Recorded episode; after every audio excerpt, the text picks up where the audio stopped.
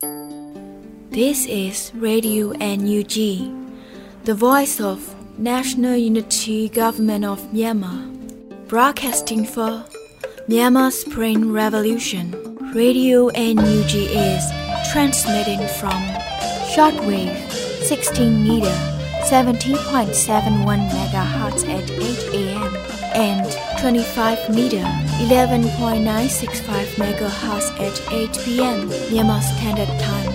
မင်္ဂလာပါရှင်အမျိုးသားညီညွတ်ရေးအစိုးရရဲ့အတန်းလွှတ်ဌာန Radio NUG ကိုမနေ့၈နိုင်မှာလိုင်းတူ16မီတာ19.87 MHz နဲ့ညပိုင်း၈နိုင်မှာလိုင်းတူ25မီတာ17.665 MHz တို့မှာဓာတ်ရိုက်ဖမ်းယူနာဆင်နိုင်ပါပြီရှင် မင်္ဂလာအပေါင်းနဲ့ပြည့်စုံကြပါစေယခုအချိန်ကစပြီး Radio NUG ရဲ့အစီအစဉ်လေးကိုဓာတ်ရိုက်အတန်းလွှင့်ပေးနေပါပြီရှင်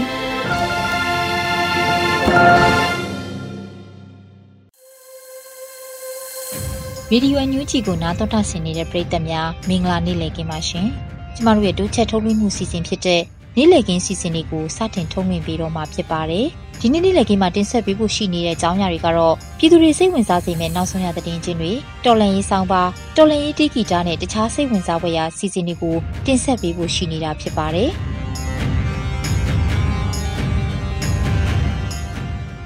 ဒီနေ့နေ့လည်ခင်းရဲ့ပထမဆုံးစီစဉ်အနေနဲ့အမျိုးသားညီညွတ်ရေးအစိုးရကရောင်းချနေတဲ့တော်လှန်ရေးအထူးငွေတိုက်စာချုပ်ကိုမြန်မာပြည်တွင်းမှာမကြာမီဝယ်ယူနိုင်တော့မှာဖြစ်ပါတယ်။ ဒီကြောင်းနေနဲ့တူနောက်ဆုံးရသတင်းချင်းတွေကိုတော့လူဦးမိုင်ကတင်ဆက်ပေးတော့မှာဖြစ်ပါတယ်ရှင်။မင်္ဂလာပါရှင်။အခုချိန်ကစပြီးပြည်တွင်းသတင်းများကိုဖတ်ကြားပေးပါမယ်။အမျိုးသားညီညွတ်ရေးအစိုးရကရောင်းချနေသောတော်လှန်ရေးအထူးငွေတိုက်စာချုပ်များကိုမြန်မာပြည်တွင်းမှာမကြာမီဝယ်ယူနိုင်တော့မှာဖြစ်ပါတယ်။အထူးငွေတိုက်စာချုပ်များကိုမြန်မာပြည်တွင်းမှာမကြာမီဝယ်ယူရရှိနိုင်တော့မှာဖြစ်ကြောင်း NUG အစိုးရ၏ပြည်တွင်းအခွင့်များဦးစီးဌာနက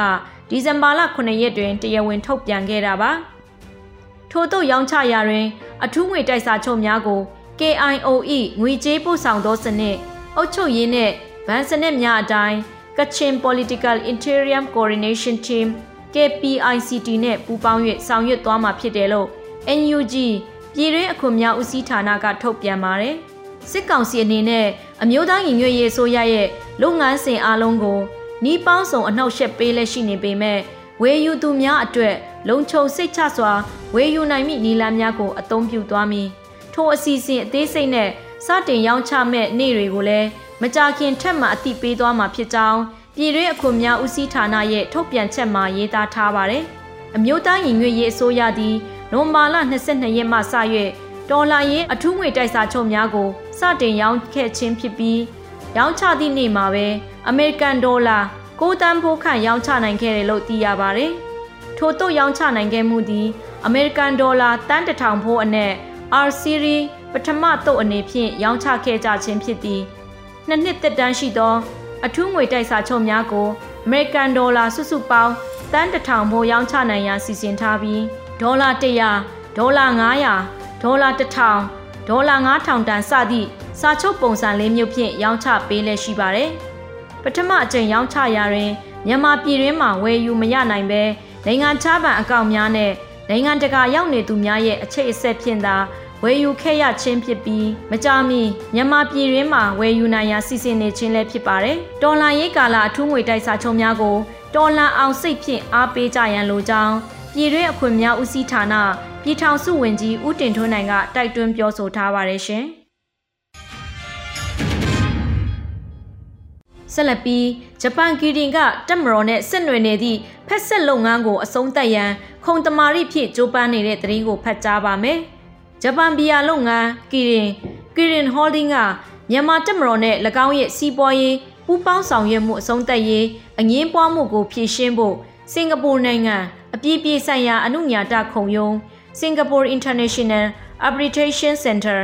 SIAC ကိုတနင်္လာနေ့ကတောင်းဆိုလိုက်ကြောင်း Nikkei Asia သတင်းဌာနကရေးပါတယ်။ကီရင်က SIAC ထံခုံတမာရိဖြစ်တင်သွင်းထားပြီးပြည်ပအဖွဲ့အစည်းတစ်ခုရဲ့ပါဝင်ပတ်သက်မှုကထွက်ပေါက်မရှိတဲ့အခြေအနေကိုအဆုံးသတ်နိုင်လိမ့်မယ်လို့မျှော်လင့်ကြောင်းကီရင်ဘက်ကပြောကြားထားပါတယ်။နိုင်ငံတကာခုံရုံးမှာအငင်းပွားမှုကိုကြားနာရခြင်းက၎င်းရဲ့အမှုကိုအထောက်အကူဖြစ်စေပြီးမြန်မာတက်မတော်ရဲ့ကြောထောက်နောက်ခံပြုထားတဲ့ဖက်ဆက်လုတ်ဖော်ကင်ဘက်ပေါ် PR တွေတိုးစေမယ်လို့ကီရင်ဘက်ကထည့်သွင်းတွက်ချက်ထားပါတယ်။ မြန်မာဘရူဝါရီကုမ္ပဏီကိုမြန်မာစီးပွားရေးဥပိုင်နဲ့ဂျပန်ဘီယာလုပ်ငန်းကီရင်ဟော်ဒင်းတို့ကဖက်ဆက်ပိုင်ဆိုင်ထားတာဖြစ်ပြီးလွန်ခဲ့တဲ့2015ခုနှစ်မှာအမေရိကန်ဒေါ်လာ964သန်းနဲ့မြန်မာဘီယာနဲ့မန္လေးဘီယာထုတ်လုပ်ငန်းရဲ့အစုရှယ်ယာချို့ဝယ်ယူခဲ့ပြီးအဓိကရှယ်ယာရှင်လည်းဖြစ်ခဲ့ပါတယ်။မြန်မာစီးပွားရေးဥပိုင် အများနဲ့သက်ဆိုင်သော Company Limited MEHL ကမြန်မာ Brewery Limited ကိုတရားရုံးရဲ့အမိန့်အရ စည်ရင်းရှင်းလင်းဖြစ်သိမ်းဖို့မြန်မာနိုင်ငံကုမ္ပဏီများဥပဒေပုံမှန်298စာလုံးအရနိုဝင်ဘာလ19ရက်နေ့မှာတရားရုံးထံတင်ပြလျှောက်ထားခဲ့ပါတယ်။လာမယ့်ဒီဇင်ဘာလ10ရက်နေ့တောက်ကြနေ့မှာရန်ကုန်အနောက်ပိုင်းခရိုင်တရားရုံးတွင်နနက်10:00နာရီမှာစစ်ဆေးကြားနာသွားမယ်လို့ကြေညာထားပြီးကီရင်ကလည်း SISC ရဲ့အနုညာတဆုံးဖြတ်မှုနဲ့အတူ MEHL ရဲ့မြန်မာဘရူဝါရီကိုဖျက်သိမ်းရေးတောင်းဆိုမှုကို ပယ်ချဖို့တရားရုံးထံတောင်းဆိုသွားမယ်လို့သိရပါဗျ။ကီရင်ရဲ့ထုတ်ပြန်ချက်အရဖေဖော်ဝါရီအပြောင်းလဲနောက်ပိုင်းအမျက်ငွေရရှိမှုလျော့နေသွားခဲ့ရပြီးယခုနှစ်တတိယ3လပတ်မှာရရှိခဲ့တဲ့ရန်14.3ဘီလီယံဆိုရင်2020ကာလတူထက်49.4ခိုင်နှုန်းကျဆင်းသွားခဲ့တဲ့ပမာဏဖြစ်တယ်လို့သိရပါဗျ။ပြီးခဲ့တဲ့ဒုတိယ3လပတ်မှာလဲကီရင်အနေနဲ့သူ့ရဲ့မြန်မာပြည်လုပ်ငန်းတွေကအမေရိကန်ဒေါ်လာ 193သန်းအရှုံးပေါ်ခဲ့တယ်လို့ပြောကြားခဲ့ပါတယ်။ဒါကြောင့်ကီရင်အနေနဲ့မြန်မာစီးပွားရေးဥပိုင်ကိုမြန်မာဘရူဝါရီကရရှိတဲ့အမျက်ငွေကိုခွဲဝေပေးအပ်ဖို့ဆိုင်းငံ့ထားပြီးဒါဟာရွှေ့ဆိုင်လိုက်တာမဟုတ်ပဲရက်ဆိုင်လိုက်ခြင်းဖြစ်တယ်လို့ဆိုပါတယ်။ဆက်လက်ပြီးတရုတ်ဘက်ကိုပို့မရသေးတဲ့ဖျဲသီးကားတွေလမ်းမတင်ပစ္စည်းနေတဲ့သတင်းကိုဖတ်ကြားပေးပါမယ်။ရှမ်းပြည်နယ်မြောက်ပိုင်း မူဆယ်105မိုင်မှာတရုတ်ပြည်ဘက်တင်ပို့မဲ့ဖျဲသီးကားတွေဟာတင်ပို့ရမယ့်အချိန်စောင့်နေရင်ဖျဲသီးတွေပျက်စီးကုန်တယ်လို့ကားသမားတွေကရွှေဖြီမြေကိုပြောပါတယ်။ဖျဲသီးတင်ပို့နေတဲ့ကားသမားတဦးကအခုလောလောဆယ်ကအထဲမှာလဲဈေးကွက်အခြေအနေကဘာမှမသိရသေးဘူး။တရုတ်ဘက်ကလည်းမူဝါဒခဏခဏတမျိုးပြီးတမျိုးပြောင်းနေတော့ဘာမှလည်းမသိရသေးဘူး။ကားတွေလည်းစောင့်ရင်းနဲ့ဖျဲသီးတွေအရေးထွက်ကုန်ပြီးပျက်စီးကုန်ပြီလို့ပြောပါတယ်။ လက်ရှိမှာ105မိုင်ဖျဲသီးအယောင်ကွင်းအပါဝင်တွေအင်ကားချင်းကွင်းတွေမှာဖျဲသီးကားစုစုပေါင်းရာနဲ့ချီတောင်းတင်နေတယ်လို့ဆိုပါတယ်။အဲ့ဒီပျက်စီးနေတဲ့ဖျဲသီးတွေကိုယူပစ်လိုက်ပြီးကြန့်ရှိနေတဲ့ဖျဲသီးအကောင်းတွေကိုတော့မူဆယ်မြို့အနီးအနားတဝိုက်မှာတစ်လုံးကို3000နှလုံးကို9000ကျပ်နဲ့ရောင်းချနေရတယ်လို့ဆိုပါတယ်။ကျင်စန်းကြော့ကိတ်မှာသွားဆောင်နေတဲ့ကားတွေကအစီးရေ90ရှိရဲစမ်းသက်ကာလာတဲ့မြန်မာဘက်ကကုန်ပစ္စည်းတွေ တရုတ်ကားနဲ့ချိန်နဲ့ဟာခုနှစ်စီးပဲရှိသေးတယ်။အခုပို့ဖို့စောင့်နေတဲ့ဖျဲသီးတွေသုံးပုံဆိုတပုံလောက်ပဲကြံတော့မှအကုန်ပျက်စီးကုန်ပြီလို့သူကဆက်ပြောပါတယ်။တရုတ်ပြည်ဘက်မသွင်းရသေးတာကြောင့်ဆုံးရှုံးမှုတန်ဖိုးကိုခန့်မှန်းလို့မရသေးကြောင်းဆိုပါတယ်။ကျင်စန်းကြော့ကိတ်ကိုကိုဗစ်အကြောင်းပြချက်နဲ့လွန်ခဲ့တဲ့ဇူလိုင်လ10ရက်နေ့ကနေစတင်ပိတ်ထားခဲ့တာဖြစ်ပြီးနိုဝင်ဘာလ26ရက်မှာပြန်လည်ဖွင့်လှစ်လိုက်တာဖြစ်ပါတယ်ရှင်။ကျမຫນွေဦးမိုင်ပါ။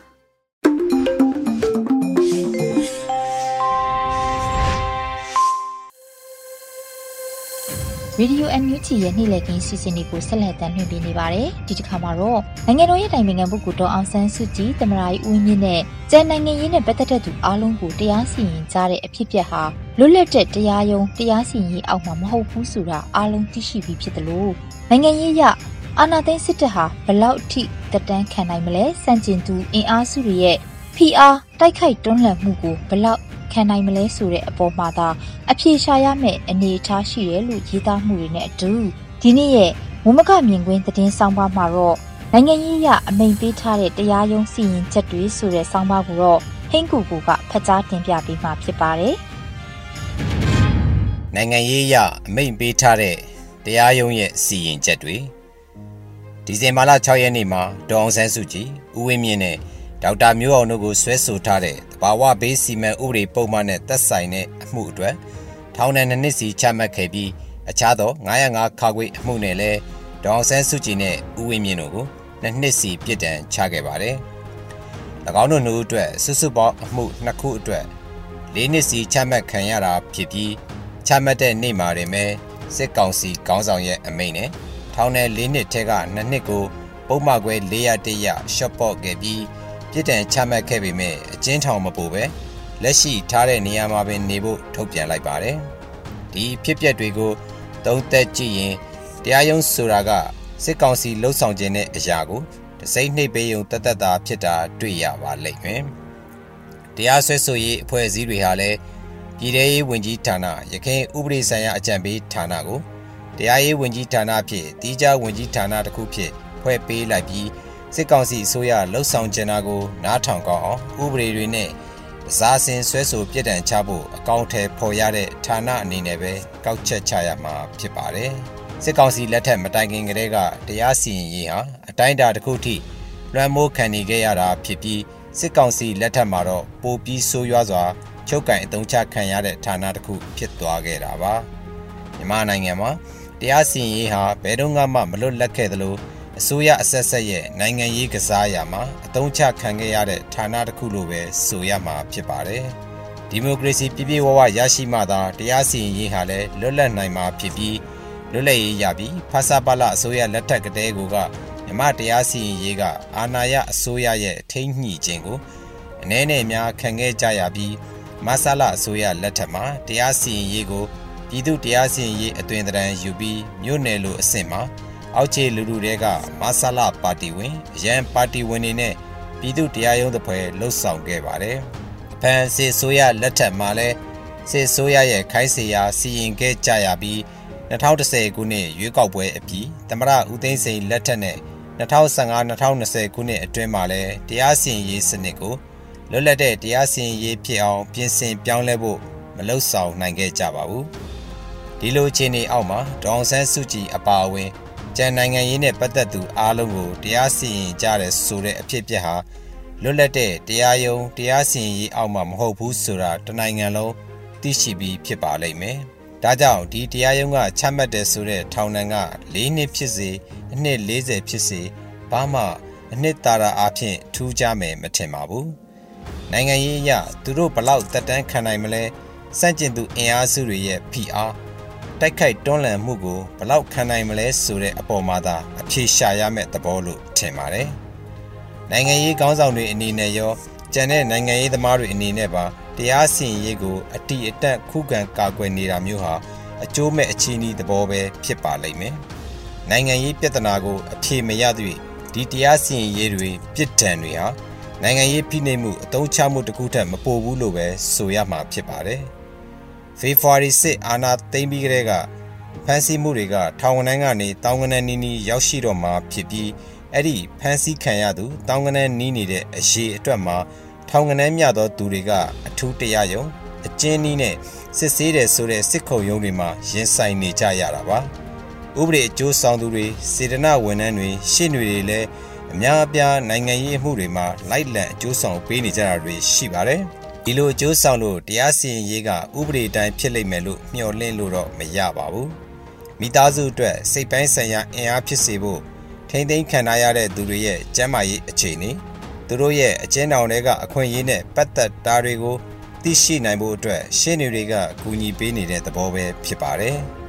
ဒီအနေအထားကိုကောင်းစွာနားလည်သဘောပေါက်မှသာစစ်ကောင်စီလက်ထက်တရားစီရင်ရေးတရားရုံးတွေပေါ်ကိုယ့်ဘက်က ထားရှိတဲ့သဘောထားမှန်ကန်စွာထားနိုင်မှလည်းဖြစ်ပါတယ်လို့ရေးသားထားပါတယ်ခင်ဗျာ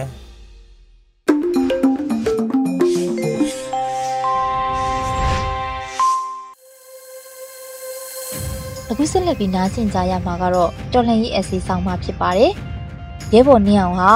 ဖက်စစ်တပ်နဲ့ပြူစောတိအဖွဲ့တွေကရိုက်နှက်နှိပ်စက်ပြီးတော့တနက်နဲ့တိတ်ပြီးပြစ်တက်ခံရတဲ့သူပါ။သူ့လိုပဲအာဇာနည်သူရဲကောင်းတွေဟာလည်း နွေဦးတော်လှန်ရေးမှာအမိမြေလွတ်မြောက်ဖို့အတွက်ပေးဆက်ကတိုက်ပွဲဝင်နေကြတဲ့အလှဆုံးအဖိုးတန်ပန်းအပူငုံလေးတွေချိုးချေပျက်စီးခံနေရတယ်ဆိုတဲ့အကြောင်းကိုဇာနီရေးသားထားတဲ့တတော်လုံးကြွေရင်လဲတတော်လုံးပြန်ဝေကြမယ်ဆိုတဲ့အစီအဆောင်ပါကိုတော့ပုံမြင့်နွေဦးကဖတ်ကြားတင်ပြပေးမှာဖြစ်ပါတယ်ရှင်။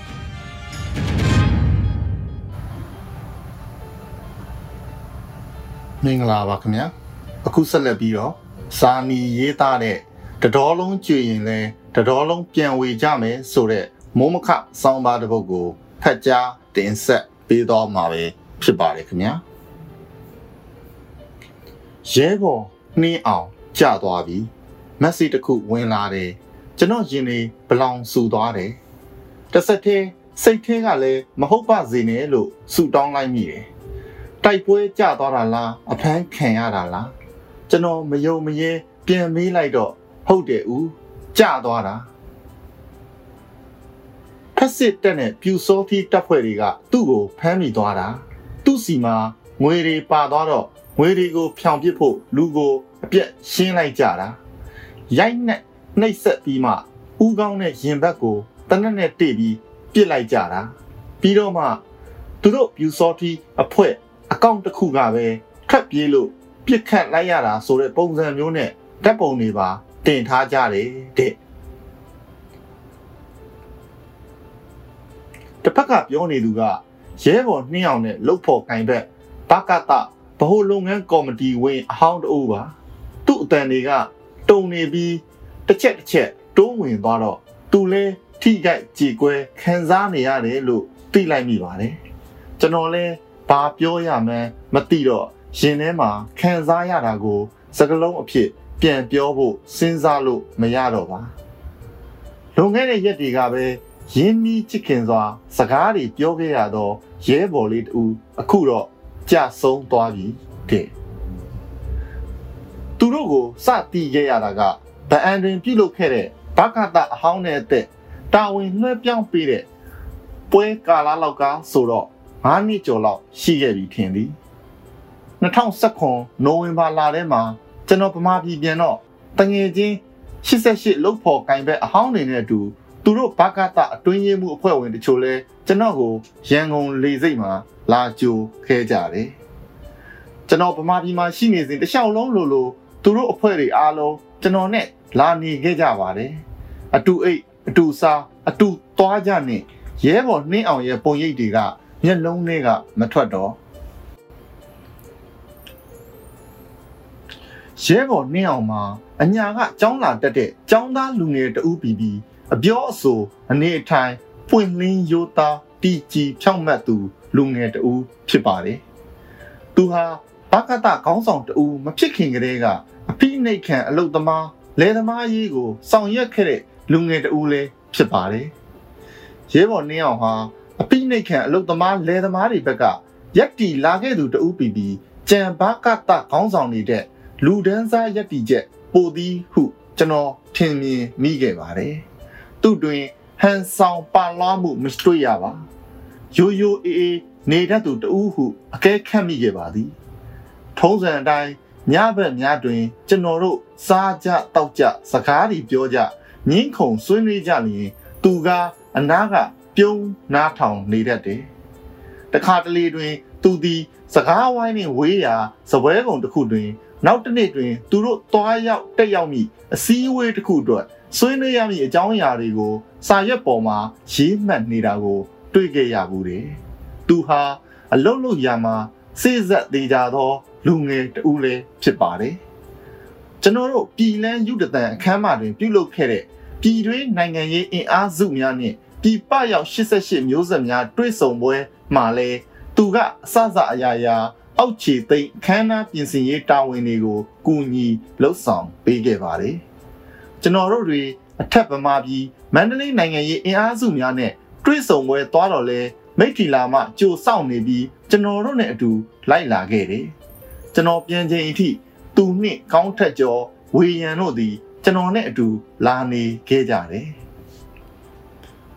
comrade ဆိုသောစကားလုံးကိုဆရာသိမ့်ဖေမြင့်ကရဲဘော်ဟုပထမဆုံး ဘာသာပြန်ခဲ့သည်ဟုမှတ်သားပူပါတယ်။ဆရာသိမ့်ဖေမြင့်ကရဲဘော်ဟုသည်မိမိနှင့်အတူတိုက်ပွဲကာလအတွင်းအသက်ပေးပြီးတစ္ဆာစောင့်သည့်သူဟုအတိတ်ပဲဖွင့်ဆိုခဲ့ပါတယ်။ရဲဘော်ဟုသည်မိမိသွေးသားညီကိုမောင်နှမတဲ့မိမိနှင့်ယုံကြည်ချက်တူရက်တီချက်တူအလုတ်တူတိုက်ပွဲအတူဝင်နေသူကိုဆိုလိုသည်ဟုပြောလျင်ရဲဘော်နှင်းအောင်သည်ကျွန်တော်တို့ရဲ့ဘာကတမျိုးဆက်ရဲဘော်စစ်စစ်တူဖြစ်သည်ဟု ပြောရပေလိမ့်မည်။သူသည်ကြာဆုံးချိန်တွင် အသက်25နှစ်အရွယ်သာရှိသေးတော်လဲဘာကတចောင်းသားကောင်းဆောင်တူပီတစွာ နောက်ဆုံးအချိန်ထိဖိနှိတ်ခံပြည်သူလူထုနှင့်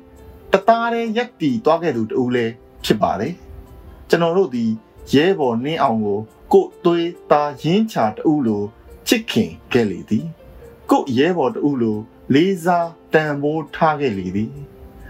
သူသည်အရွယ်နှင့်မမျှအောင် ဖိနှိတ်ခံပြည်သူလူထုအတွက်အလုတ်အကျွေးပြုပေးဆက်စွန့်လွတ်သွားခဲ့လေသည်ကျွန်တော်တို့အတွက်ရဲဘော်နှင်းအောင်သည်စံပြနမူနာထိုက်သောဘကတမျိုးဆက်သည့်ခေါင်းဆောင်တဦးဖြစ်အလေးအမြတ်ပြုအပ်သူတဦးလည်းဖြစ်ပါတယ်ကျွန်တော်တို့သည်ရဲဘော်နှင်းအောင်ကြာဆုံးခဲ့ခြင်းအတွက်ဝမ်းနေတတယူကျုံးမရဖြစ်ခဲ့ရသလိုသူဤသူရဲကောင်းပြည်သားမှုအတွက် လေးစားဂုဏ်ယူထာဝရမော်ကွန်းတင်ထားရပေလိမ့်မည်စစ်အာဏာရှင်စနစ်တိုက်ပွဲများတွင်ចောင်းသားလူငယ်လေးတွေဟာနေ့စဉ်နေ့တိုင်းရဲရင်ပြောင်မြောက်စွာအသက်တွေပေးဆက်စွန့်လို့တိုက်ပွဲဝင်နေကြပါတယ်ရဲဘော်နှင်းအောင်လိုအာဇာနည်ထောင်တောင်းဟာဖက်စစ်စစ်တပ်အောက်မှာအမိမြေလွတ်မြောက်ရေးအတွက်ပေးဆက်တိုက်ပွဲဝင်လျက်ရှိနေကြပါတယ်တိုင်းပြည်အနာဂတ်အတွက် အလားဆုံးအဖိုးတန်ပန်းအဖူးငုံလေးတွေချိုးချေဖြစ်စည်းခံနေရပါတယ်သို့တော်လဲချီလီတော်လန်ရေးကြပြဆရာပဗိုလိုနီရူဒါကြပြတဲ့ကလိုပန်းပွင့်နေကိုဖြတ်တောက်ဖြစ်စည်းလို့ရနိုင်ပေမဲ့ပန်းတွေပွင့်စေတဲ့ຫນွေဥကိုတော့ဘယ်သူမှတားဆီးလို့မရပါဘူးတပွင့်ကျွေရင်တပွင့်ထပ်ဝေရပါလိမ့်မယ်တတော်လုံးချွေခံရလို့တတော်လုံးကျွေခဲ့ရင်လဲ တတော်လုံးပြန်ဝေပါလိမ့်မယ်ဤကတော်လန်ရေးကပေးသောအဘိဓမ္မာတရက်ပင် ဖြစ်လေသည်ရဲဘော်နှင်းအောင်နေတကွຫນွေဦးတော်လန်ရေးအညတရသူရဲကောင်းများစွာကိုဥညွတ်ဂုံပြုလျက်ဇာနီ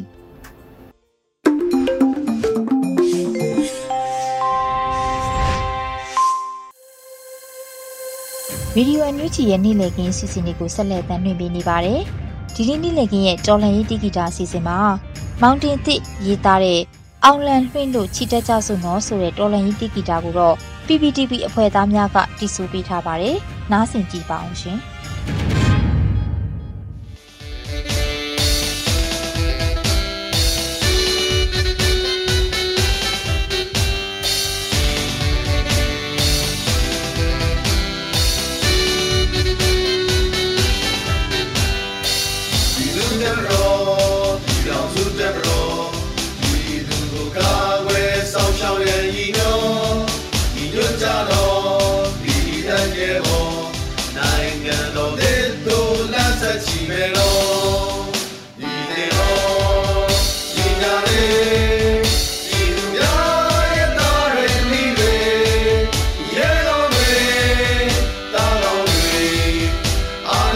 dentro de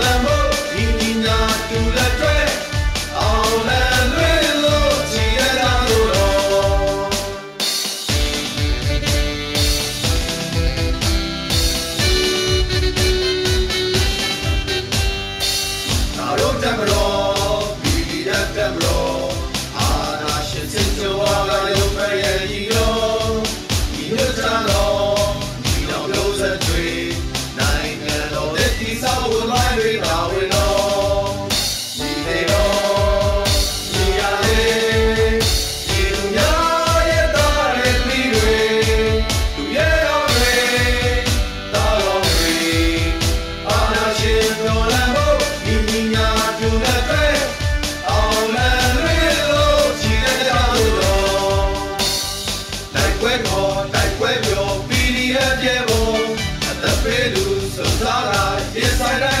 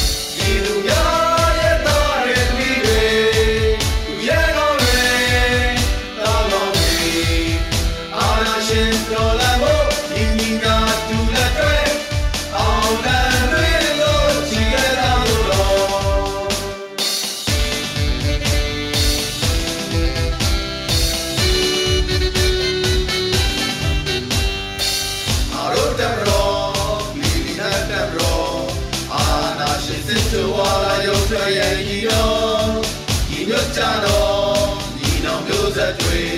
နိုင်ငံတော်လက်ကြီးစောက်ဝမိုင်းတွေထားဝေတော့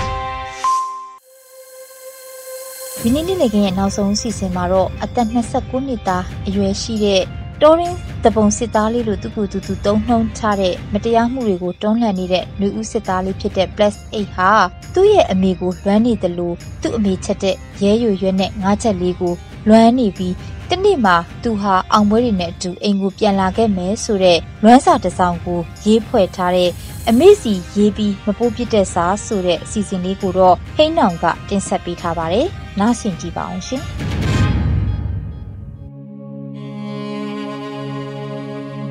မိတ်စီရေးပြီးမဖို့ဖြစ်တဲ့စာသူ့အမေလို့ရေးပြီးချစ်တဲ့သားကြီးလို့အဆုံးသတ်ရမှာရှက်နေတဲ့ကောင်ကကျွန်တော်ပေါ့ဒီစာကိုအမေမဖတ်ဖို့ညှော်လင့်ပါတယ်အခုရက်ပိုင်းဒီမှာမိုးတွေတဲတဲမဲမဲရွာနေတယ်အမေကျွန်တော်တို့ယဉ်ကျေးမှုကရဲရတယ်အရွယ်ရောက်သွားတဲ့သားတွေဟာ မိဘကိုပွေ့ဖက်နှုတ်ဆက်ဖို့ရွံ့နေခဲ့ကြရဲ့မဟုတ်လားအဝေးရောက်ကောင်းကင်မှာကြယ်တွေလင်းအားဖြတ်တော့နေပုံအမေမျက်လုံးနဲ့ဝင်သွားတဲ့ပိုးပေါင်းအဖြစ်ကျွန်တော်အဆင့်ဆင့်တွင်ပြောင်းသွားပုံဒါတွေကအိမ်မက်မဟုတ်ပဲဆက်လက်စီးဆင်းနေစေချောင်းစုံမြောင်းစုံတွေတော့ရောက်တောင်ရောက်ကျင်မမြင်လက်မမြင်ညတွေကိုအမေဆောင်ထချုပ်ပေးတဲ့ညာလို့ထင်အောင်ထင်မှရင်ကျွန်တော်ညတွေမိုးဆစ်ဆစ်လင်းသွားတယ်ခရယာတန်နဲ့နိုး ခရယာတန်နဲ့မိတ်သွားတဲ့မျက်လုံးတွေမှာယုံကြည်ချက်ကလွေလို့ဘယ်ရောက်မှမရှိပါဘူးသွေးကြောတမြင်ချင်းကအစတော်လန်ရေးတဲ့အမေသွေးကဲတော်လေးကနေမတရားမှုနိုင်ရန်ကိုခေါင်းနဲ့ဝင်ဆောင်မဲ့မာကျော်ဥကောင်းဝင်နေဖြစ်တဲ့အထိကျွန်တော်ကြီးရင်ရှင်သန်ခဲ့ရပေါ့အမေမကြိုက်တဲ့တနတ်မောင်းတွေကိုဖြုတ်နေပြီလို့ကျွန်တော်မလိမ်မမလိမ်မ29နှစ်တာအတွက်ခွင့်လွှတ်ပါမေအချိန်ကငားရင်မကြိုက်ဘူးလို့ညင်းနေကြကျွန်တော် ဒီငားရင်နဲ့စားရမယ့်နေ့ကိုတမျောမျောနဲ့မိဘစကားပဲရှာလို့ဒုက္ခရောက်မှာကိုတွေ့ပဲမို့တာမိတ်ဒီဒုက္ခတတိတန်မိုးတဆူဆူညအမေမြစ်တာစူးတာပဲတတွန်တွန်စီးနေတဲ့အကုသို့မြစ်ထဲကခဏခဏကန်ကြီးထိုက်နေကြကောင်းခမကြီးကြီးကျယ်ကျယ်တိုင်းပြည်ကိုကယ်ကျင်တဲ့ကျွန်တော်စိတ်ကူးစိတ်တန်အဝေးပြေးလမ်းတွေမှာ အမေတီးငုံညတွေကိုမိတင်ရှို့မိတယ်ကျွန်တော်ကအမေမျက်ရည်နဲ့အတူလောင်မြိုက်နေတဲ့ဩရာတမိကုန်းငွေအဝေးမှာလွန်မျောနေရင်ကဝေချင်းကိုပြန်ပြန်တနေမိတယ်လက်တလုံးကျွန်တော်ရက်ဝက်မှာတောပန်းတွေပွင့်နေတယ်။တောင်တန်းတွေမှိုင်းနေတယ်။ရာသီဥတုလေစားမှုတေးသွားမှာအမေဖျားစင်ဘောကစပယ်ပန်းတွေရဲ့တင်မြမှုကိုသတိတရားရှိမိနေတယ်။ထွက်သွားတဲ့ယထာဟာ ဘုဒ္ဓစီအမြဲပြန်လာခြင်းနေလိမ့်မယ်မဟုတ်လား။ဒီသတင်းကျွတ်လေအမေဘုဒ္ဓယုံမှာပန်းတွေဝေးနေစေထင်ပါရဲ့။ကျွန်တော်ပြန်လာခဲ့မယ်အမေ။အဲ့ဒီအခါအမေသာတပုတ်စသားလေးရဲ့တိုက်ပွဲဝင်အတွေ့အကြုံကိုဂျိုးထော်လိုင်းရင်သမားတစ်ယောက်ကအိုက်ခမန်းကိုဖမ်းတာကျွန်တော်ပါမေမေလို့ပြောခဲ့မှုသလိုတစ်ဖွဲတစ်နွယ်ပြန်ပြောင်းပြောပြမယ်။မတရားမှုကိုတွန်းလှန်တိုက်ခိုက်ခဲ့သူသားအတွက်အမေအပြုံးလေးလေးကိုတမီတမောငေးမယ်။အမေလက်ရရဲရွရွငားဟင်းကို အားရပါရစားမယ်။ကျွန်တော်အခုရှိနေစေနာပြဒုက္ခတွေအမေကိုနဲ့တင်းတင်းနဲ့တိုးဝဲအေးရင်ဖျောက်ဖျက်ပစ်လိုက်မယ်။တော့ရောက်တော့ရောက်သဘုံစစ်သားလေးကျွန်တော်အိမ်မက်ဟာရိုးစင်းဖြူစင်ပါရဲ့မဟုတ်လား။ကျွန်တော်ဆက်ဆက်အိမ်ပြန်လာခဲ့ပါမယ်အမေ Black Eggs ဒီကနေ့ကတော့ဒီညနေပဲ Radio NUG ရဲ့အစီအစဉ်လေးကိုခਿੱတရနာလိုက်ပါမယ်ရှင်။မြမစံတော်ချိန်မနေ့၈နာရီနဲ့ညနေ၈နာရီအချိန်တွေမှာပြန်လည်ဆုံတွေ့ကြပါစို့ရှင်။ Radio NUG ကိုမနေ့၈နာရီမှာလိုင်းတူ16မီတာ19.81 MHz နဲ့ညပိုင်း၈နာရီမှာလိုင်းတူ25မီတာ17.665 MHz တို့မှာဓာတ်ရိုက်ဖမ်းယူနာဆင်နိုင်ပါပြီရှင်။ မြန်မာနိုင်ငံသူနိုင်ငံသားများကိုစိတ်နှဖျားစမ်းမချမ်းသာပြီးဘေးကင်းလုံခြုံကြပါစေလို့ Radio NUG အဖွဲ့သူအဖွဲ့သားများကဆုတောင်းလိုက်ရပါတယ်ရှင်။ San Francisco Bay Area အခြေဆိုင်မြန်မာမိသားစုများနဲ့နိုင်ငံတကာကစေတနာရှင်များလှူအားပေးများရဲ့ Radio NUG ဖြစ်ပါတယ်ရှင်။အရေးတော်ပုံအောင်ရမည်